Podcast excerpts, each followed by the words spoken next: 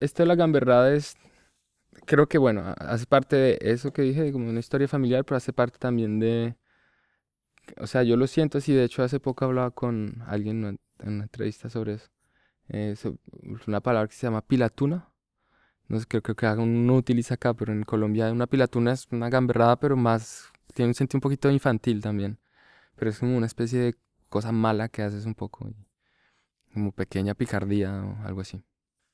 Creo que tiene que ver un poco con, con, el barrio donde yo crecí, que era una especie de, no sé cómo dices, ¿sabes? Las torres que construían como para vivienda social. Entonces era un conjunto de 13 torres con muchos pisos adentro y que hay una comunidad bien fuerte, un sentido comunitario bien fuerte. Y pues nada, éramos como súper callejeros desde muy niños, desde los 6, 7, a estar todo el día en la calle haciendo cosas, aprendiendo a hacer cosas como, no sé, abrir un carro, a ver qué hay adentro. No, éramos, no hacíamos cosas muy malas o malas, no, nada, nada malo, la verdad. Tal vez romper algunos vidrios o... Pero sí estábamos todo el día, todo el tiempo en esto, como haciendo especies de picardías y gamberradas, como diría uno acá. Fons. Obres de la col·lecció MACBA explicades pels artistes. Iván Argote. En un vídeo como este que se llama Retouch, pues sí, es, o sea, es en evidencia una especie de súper gran, gran gamberrada, como súper gran pilatuna. En ese momento estaba en la Escuela de Bellas Artes, llevaba casi un año ya estudiando ahí. Y digamos que tenía un, una especie de piquiña o, incomodidad también con las instituciones, ah, con los museos, por ejemplo. Porque digamos que llegando a Francia, visitando los museos, eh, pues empecé a ver obras que siempre había visto en fotocopias o que había estudiado en la, en la universidad en Colombia, pero pues que no tienes la oportunidad de ver o entonces, de un lado me parecía un poco también, había una especie de patetismo ahí que nacía como que, ¿sabes? Eran, de cierta forma, eran unas imágenes un poco divinas, digamos. Ah, y ya verlas enfrente adquirían un sentido mucho más banal, es como ah, se veía la tela, como las imperfecciones y esto. Entonces eso me pareció bien, eso me gustó, como ver que eran cosas, eh, eran, sí, cosas. Y luego también em, me molestaba un poco pensar como, porque yo estudié la historia de estas obras y no la historia de cualquier otra, o, las obras, o algunas que hubieran podido ser hechas en América del Sur, en Colombia. Entonces me daba una sensación ahí de, de sí, como de rabia postcolonial, como, o sea, en general con, con las colecciones permanentes, digamos, en el Centro Pompidou pero pues tampoco se sentirme muy mal y sentir, yo no soy como odiador, sino es que me da rabia y me da risa, pero me da rabia un poquito y me da risa también. Entonces me inventé este personaje que, que se enoja contra el arte moderno y va como muy ingenuamente a hacer una línea curva sobre dos Mondrian. Y al mismo tiempo está interviniendo una obra, está interviniendo el museo y está... Pero entonces lo hice para mm, la jornada de puertas abiertas de la escuela. Y hice este vídeo, pero nunca... Eh, el vídeo es... Em, es un montaje. Yo fui con un spray y hice el gesto y luego añadí la, el, digamos, la pintura como en After Effects, porque además como yo estudié diseño, hice luego como cursos de motion graphics y básicos y, trabajé un poquito en postproducción en Colombia antes de ir a, Francia. Entonces conocía los programas y bueno, en fin. Y me llamaba la atención, pues primero crear esta imagen como de este personaje que se enoja y va y hace un rayón encima de dos obras. Luego me interesaba mm, también por esos días cuando estaba yo en Bellas Artes, tienen una biblioteca increíble y uh, allí en la escuela y veía mucha performance que fue lo, como de lo que más me interesó en ese entonces. A pesar de que me interesaba, siempre me preguntaba y decía como me parecía muy ingenua la manera en que la gente eh, registraba sus performances o los archivos de estas cosas me parecían, y esto que te decía antes de que los archivos no son neutros, pues me parecía que en la, en la manera en que la performance estaba registrada o dada a conocer, había una gran ingenuidad. Es como voy a hacer una cosa, pues entonces pongo una cámara que mire hacia más o menos donde está la cosa que voy a hacer y luego grabo un poquito alrededor para mostrar que hay gente o algo así. Que me parece como muy primario, pues como muy primario y muy casi muy obediente, diría yo, como manera de, de pensar también la relación con respecto a la imagen que uno está generando. Entonces yo quería hacer esta especie de falso performance, pero que tenía mucha cara de ser verdadero. Y nada, entonces lo puse ahí en Bellas Artes en este día, en una tele muy pequeña, me fui a dar una vuelta a ver qué estaban mostrando la otra gente. Hay muchos estudiantes, entonces pasé tiempo por fuera. Y luego regresé a ver en qué iba pues, mi, la gente del, del taller donde yo estaba. Y estaba el director, la directora académica, mi tutor, un señor que resultó ser eh, como de los amigos del Centro Pompidou, como de estos donadores. Y muy preocupados diciéndome, ¿qué es esto, Iván? Esto no se puede hacer. Incluso con unas frases un poco ahí medio raras como, Iván, aquí, aquí no se hace esto, aquí en Francia no puedes hacer esto. O sea, no sé no sé qué, qué querrían decir con eso, pero era como, ok. ya después de un momento, pues ya de reírme un poco interiormente, no mucho, pero le dije así como, les dije así como ya en privado, como, pues no, pues les conté pues que era un, que era un montaje. Entonces ya nos dio a todos risa y ya. Poco tiempo después participé en una expo de, como de artistas jóvenes franceses o algo así. Y pues mostré este video y resultó en la prensa.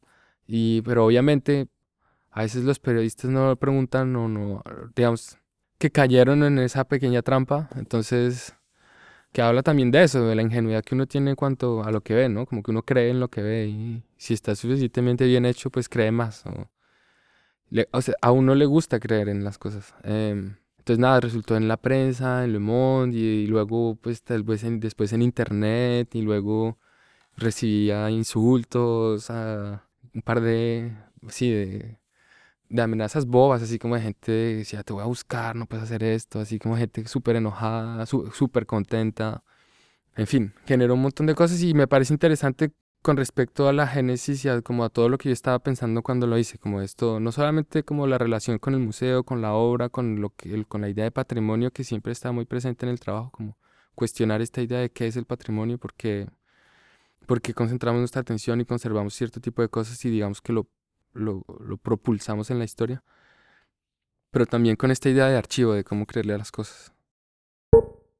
Lo que yo creo que uno tiene que hacer es asumir la parte de subjetivo, la parte de ingenuo, la parte de, de caprichoso y de arbitrario que uno tiene adentro para poder hablar y desde ahí tal vez acercarse a algo que sea una cierta realidad. Eh, entonces, en varios videos es verdad que hay un juego entre cosas que pasan o objetos que están ahí, que con un pequeño gesto con el que yo intervengo, incluso a veces solo la forma de filmarlos, adquieren como un carácter ficcional, pero al mismo tiempo hacen, es el registro como de una acción y el registro de la acción se vuelve una historia y a veces, digamos, a veces estas historias se pretenden mostrar como ficciones o como falsas ficciones. Entonces, digamos que esa, esa idea me gusta de, de manipular, digamos, lo que está pasando una situación concreta y manipular o negociar más bien con las situaciones. No es manipular porque no es como que yo controle o quiera dominar algún momento, sino negociar con las situaciones para que, para que hablen de ellas mismas a través de una pequeña historia que se crea ahí de una pequeña ficción, eh, una pequeña fantasía, en fin. Yo llegué a Francia en 2006 y en 2007 empecé a hacer bellas artes y, y los, los primeros trabajos, los primeros vídeos que hacía y intervenciones en el espacio público tenían mucho que ver con una constatación casi de soledad en este lugar, pero no, no en un sentido, digamos, triste, pero más bien como subversivo y chistoso, diría yo. Entonces yo jugaba a que la gente me cantara el cumpleaños o, o a entrar en un bus y, eh, y, hablarle a la gente como si fuera de mi familia y hacer un video de familia, por cierto, eh, con desconocidos. Por eso mismo creo, es, esta cosa de la familia como, como prueba también, como, no sé cómo, cómo decir, como un extracto de, una especie de pequeña unidad eh, social que pues puede servir para analizar cosas desde lo histórico, desde lo político, afectivo, moral, ético.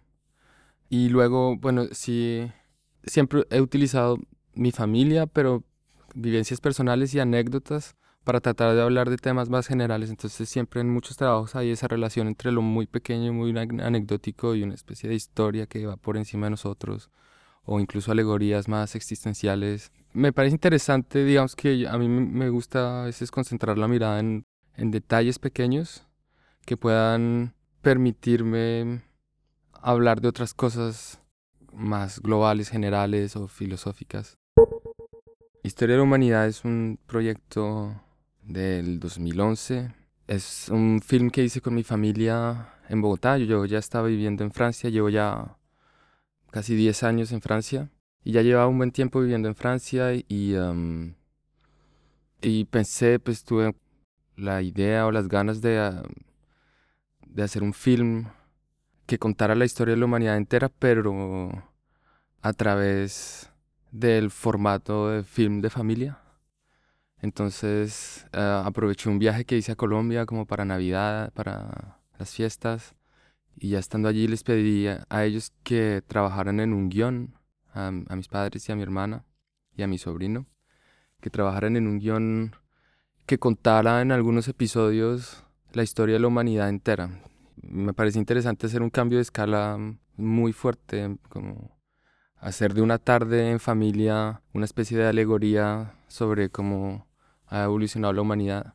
También pensando que al mismo tiempo cada humano, cada uno de nosotros y digamos cada grupo es de cierta forma como una prueba también de, de eso, es decir, como una especie de residuo arqueológico de la historia de la humanidad. Entonces, sabes que cuando encuentras un pedacito de hueso puedes deducir un montón de cosas pues igual si tomas un ejemplo, si tomas a cualquier persona, tal vez de esta persona puedes deducir una historia entera. Y ya, entonces fue una tarde, nos fuimos a un, a un parque en Bogotá. Después de almuerzo, en el, durante el almuerzo ya decidimos bien lo que íbamos a hacer, después de haber hablado algunos días. Entonces el film es hecho en Super 8, en, en, en película Super 8. También había detrás, creo, una intención un poco sentimental, pues Digamos que no existen filmes de familia antiguos, que es más el caso en Europa o el, o el caso en algunas familias un poco más burgueses en, en, eh, bueno, en América del Sur y en otras partes también. Es también pensado como con una idea ahí poco soñadora de lo que podrías meter en una cápsula y enviar en el espacio como prueba de que los humanos existen o de que hay una historia. Y, y finalmente ellos, pues yo intervine un poco, digamos que yo, de hecho poco filmé, ellos filmaban también. Yo seguía las, las instrucciones que, me daban. Igual, digamos que todos estamos al mismo nivel de decisión. Y son unos juegos, son una interacción entre nosotros que funcionan como alegorías de, mm, si recuerdo bien, son siete, eran como siete episodios precisos, entonces había uno que era el paso del mono a hombre, luego había uno que era la expansión humana, luego primeras sociedades agrícolas. Bueno, mis padres son, trabajan en política, entonces también eh, los temas eran basados en eso, primeras civilizaciones, guerras de civilizaciones. Había otro episodio que era colonización, postcolonización. Entonces finalmente las acciones sean muy simples, parecen juegos de una familia poco raros, funcionan también como alegorías de, de estos episodios de la historia.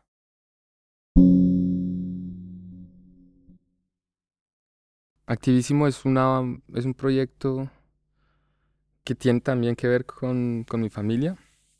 Después de unos años de estar en Francia y eh, de estar trabajando como en el contexto de la calle y de, como un presente muy presente, como muy urbano, muy de lo que ves cuando estás afuera, y de tratar de jugar con las interacciones con la gente, quise trabajar sobre, mm, sobre unas historias que yo conocía desde hace mucho tiempo, de, justamente cuando mis padres eran clandestinos en los años 70. Ellos querían hacer una revolución, hacían parte de un grupo revolucionario intelectual y bueno, y se entrenaban un poquito, incluso militarmente. Y, ah, y pues tenían unas condiciones de vida muy estrictas que ellos mismos se impusieron Ah, entonces, tipo, no puedes bailar, no puedes tomar trago, no puedes... Todo tiene que, toda tu vida, tu tiempo y cada uno de tus segundos tiene que estar consagrado a la revolución. Y eso, digamos que esas reglas o esas normas se las iban inventando a, a medida que iban viviendo. Entonces, no sé, pasaban cosas absurdas como alguien se quedó dormido un día por fuera y, y había sol y, se quemó, y pues tuvo un pequeño, se quemó un poquito y, y le, lo castigaron, digamos, por ah, tomar el sol, porque decían tomar el sol es pequeño burgués, eso no es revolucionario. Y habían es- ese tipo de, de cosas absurdas todo el tiempo, que era, para mí muestra muy bien como a qué punto la ideología puede cegarte y, y llevarte lejos como de lo que realmente puede ser interesante hacer. Eh, igual eran pues muy jóvenes y con mucha energía y con esa ingenuidad que es también tan buena. Ya estando en Francia, en 2011 escribí un proyecto que se llamaba La, Estrategia, que era una compilación de estas historias y con la idea de recrear, de encarnar lo que ellos vivían en ese tiempo, pero con un nuevo grupo de gente. Y en vez de recrear lo que ellos decían que, nos, que habían hecho, nosotros vivirlo de nuestro lado, en fin. Mientras yo estaba, haciendo esta investigación, me encontré en fotos, en un cajón lleno de fotos, me encontré una foto de mi papá, de mi padre protestando con unos niños. Entonces le pregunté a él y él como que "Mm", no se acordaba. Y luego mi mamá, mi madre me contó, pues le pregunté a ella y me dijo, ah, sí, es que él era tal año, era profesor de escuela primaria y sabes que era, él, tenía, él era el encargado de dar todos los cursos a los niños. Y él incluyó dentro de su programa cursos de protesta, porque le parecía pues muy importante y en fin. Digamos que este material lo integré y dentro de esa investigación y más o menos por esos días recibí una invitación de un museo en Francia que se llama Magval para hacer un taller con niños.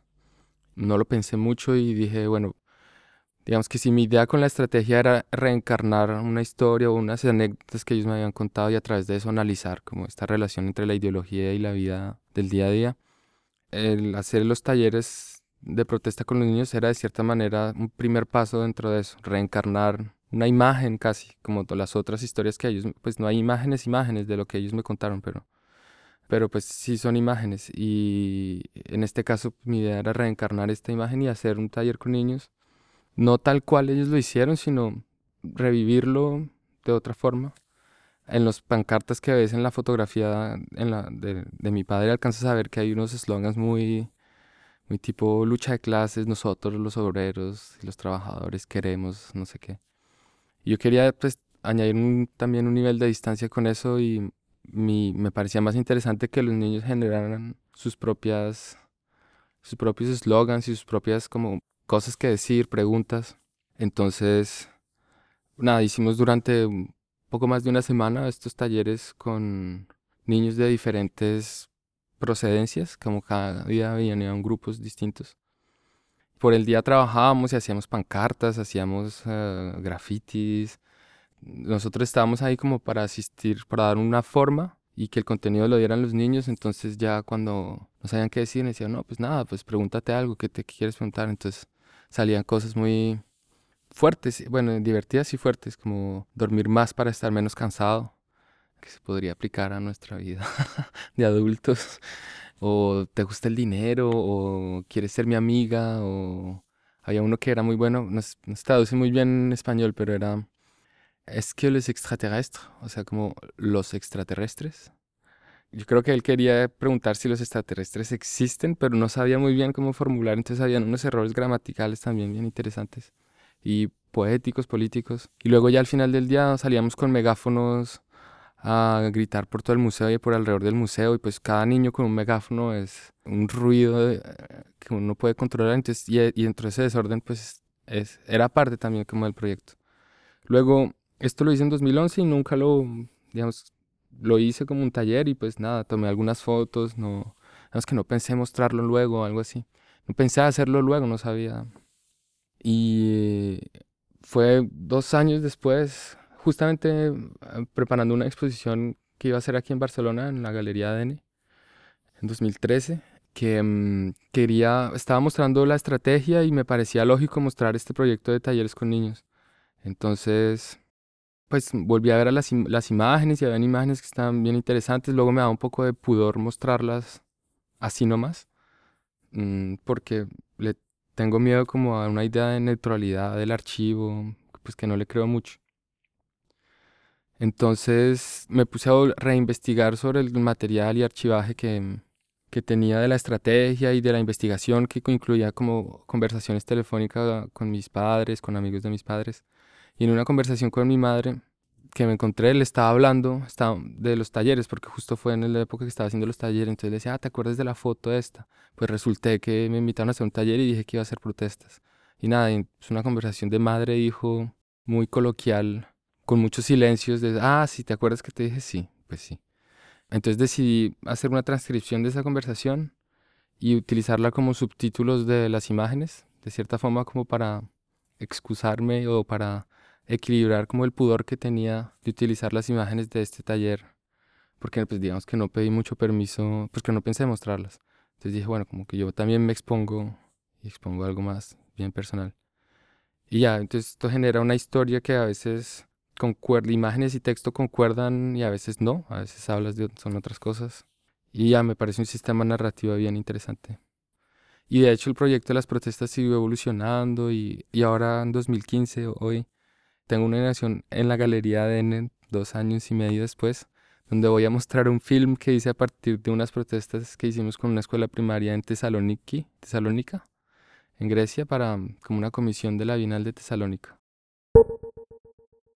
Yo siento y creo, más bien creo, no sé, digamos que no sé si lo cons- consigo hacerlo, pero creo que uno tiene, eh, cuando se es artista y cuando estás generando contenido y cuando estás mostrando algo, tienes de cierta manera que incluir una crítica hacia la autoridad que eso representa también, digamos que cuando, cuando tú estás mostrando algo, de cierta manera, a generar ese discurso o lo que sea que estés mostrando, se presenta con una autoridad y las obras de arte se presentan como con una cierta autoridad que uno no piensa muchas veces, digamos que es como una especie de ente iluminador, pero al mismo tiempo yo creo que uno tiene que, pues me parece a mí que es responsable o e incluso interesante generar una crítica hacia, hacia eso mismo, hacia la autoridad de las obras de arte en sí, del, del discurso que vehicula el artista, del, digamos, de, de las ideas que generan también. Entonces, por ejemplo, en las, en las protestas con los niños, mi idea era hacer protestas con los niños y bueno, puede parecer una buena o chistosa idea o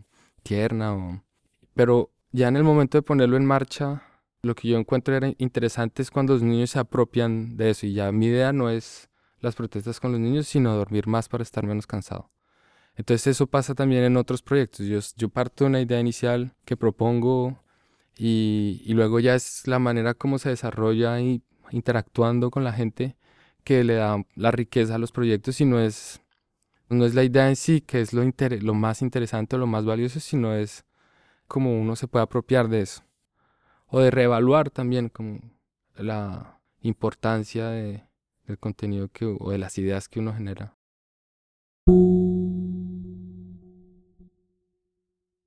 Caricia es un video muy sencillo, es, es un film de hecho también en Super 8, que está hecho por la tarde, con un sol muy de tarde, que proyecta las sombras así bien largas sobre el suelo.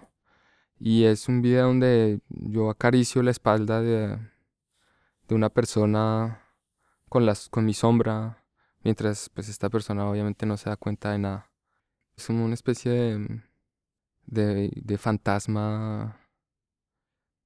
Me gusta esa idea de, de demostrarle afecto a alguien que uno no conoce. Y de hecho lo hice como, como con mucha ternura y, y, en es, y en ese tiempo, digamos que es- estas obras también fueron mostradas durante esta exposición en ADN. Creo que fue por ese medio que llegaron a estar aquí en el Magma. Esta exposición que se llamaba Un Millón de Amigos hablaba mucho de, de, de esa relación con el afecto y un poco de la ternura también, de cómo, cómo utilizar la ternura como estrategia conceptual y, y un poco también subversiva de cierta forma.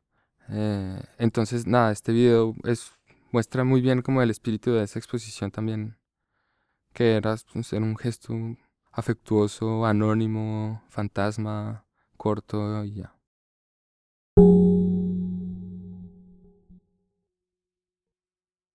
¿Quién no jugó a los antepasados alguna vez? A las prehistorias de su carne y su sangre.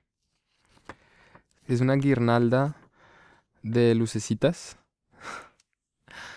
como de fiesta de pueblo o algo así, que reproducen esta frase en código Morse. Entonces, pero pues no se nota mucho, hay como dos calidades de bombilla distintas y con ese en juego entre esas dos calidades y el espaciamiento entre bombillas está construida la frase, entonces pues está completamente, digamos, codificada y es, digamos que no es, tomaría mucho tiempo yo creo de codificarlo, no, un buen tiempo de codificarla, pero es posible.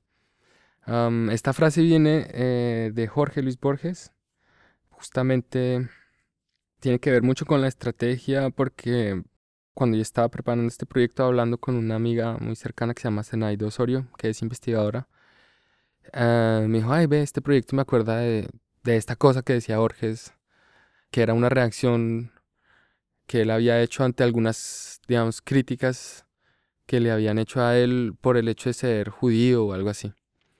Y entonces él decía, digamos, en este texto decía que uno pues que a veces uno se apropia un poco de, su historia y juega con ello. Y en ese sentido pues tenía mucho que ver con esto de la estrategia, que era apropiarme de una historia familiar y, y jugar con ello. Sí, jugar, reencarnarla además, que tenía mucho que ver con lo que yo quería hacer. Reencarnarla y luego recrearla, o sea, crearla nuevamente. Entonces me, me, gustaba mucho la idea de que esta frase iluminara la exposición, ¿no? Entonces eh, iluminara también como esta especie de fiesta, una especie de, fiesta de pueblo también, ¿no? De pequeña fiesta de cumpleaños, no sé, como... Poco antes había hecho esta exposición en el, en el Centro de Arte 2 de Mayo, donde mostré algunos vídeos de estas intervenciones. Y el 2 de mayo me comisionó un proyecto y yo decidí que mi proyecto iba a ser celebrar cumpleaños todos los días ah, en el museo esto de los cumpleaños era, me, me, parecía entretenido también porque justamente pues Ferran, eh, que ahora está aquí, tenía esta intención también de integrar como la comunidad de Móstoles al museo. Eh, el museo pues es un museo muy grande en medio de un barrio que es un barrio como de trabajadores. En un principio creo que no había como una gran participación o, o sea, como que la gente no venía a visitar mucho el museo. Y hacía parte del, del, del proyecto, pues tal cual yo lo entendí esto, integrar un poco el museo con, con el barrio.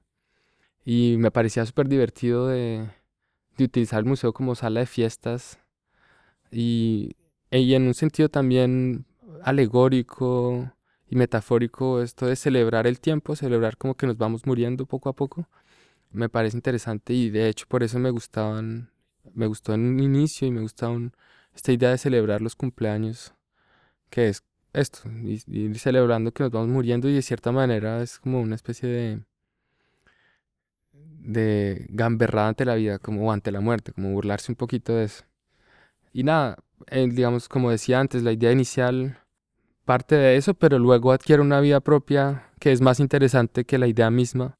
Entonces, pues nada, por ejemplo, el día de la inauguración teníamos esta familia, un señor que estaba cumpliendo 67, 8 años, 68 y pues vino con toda su familia y yo estaba un poco preocupado porque yo sabía que ese día iba a haber mucha gente y que no, pues no, como un día cualquiera en un museo. Y ah, estaba preocupado por pues la intimidad también de la fiesta de cumpleaños, ¿no? Porque siempre pues, el espacio era bastante abierto. O sea, como que uno podía entrar si quería.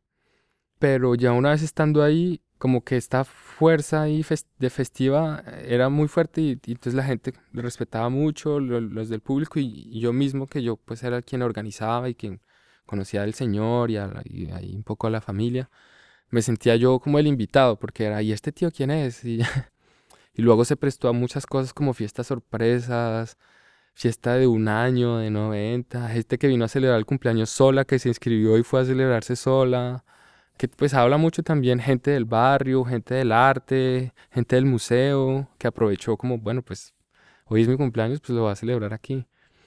Sí, entonces eso que te digo, como la vida que adquieren esas cosas eh, sobrepasa la intención primera, que puede a ser como muy simple, ¿no?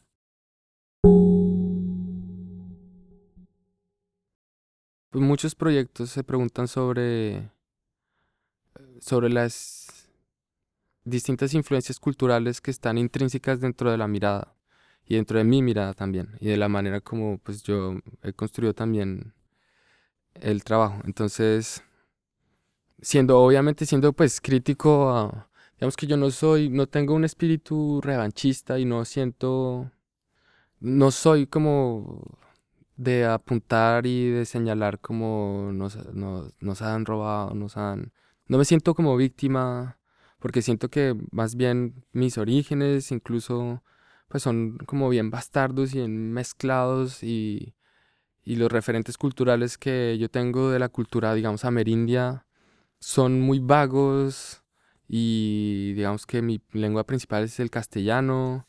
Entonces hay una especie de, de mezcla extraña que me parece que también es difícil, digamos, como victimizarse o también volver victimarios a otros, ¿no? Y sobre todo, por eso me gusta, digamos, partir siempre como de situaciones muy concretas y muy precisas y no decir, eh, Inglaterra hizo esto, España hizo esto, los indígenas hacían esto y, y como asumir la voz o hacerme portavoz de ni del uno ni del otro. No creo que sea mi lugar.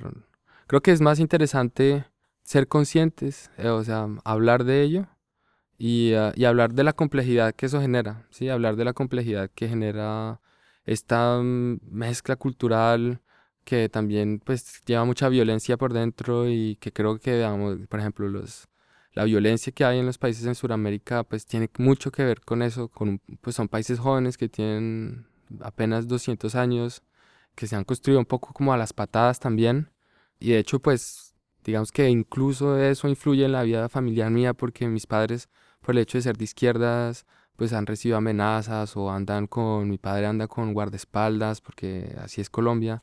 Y em, me interesa criticar esos como procesos de dominación cultural y ponerlos en jaque un poco.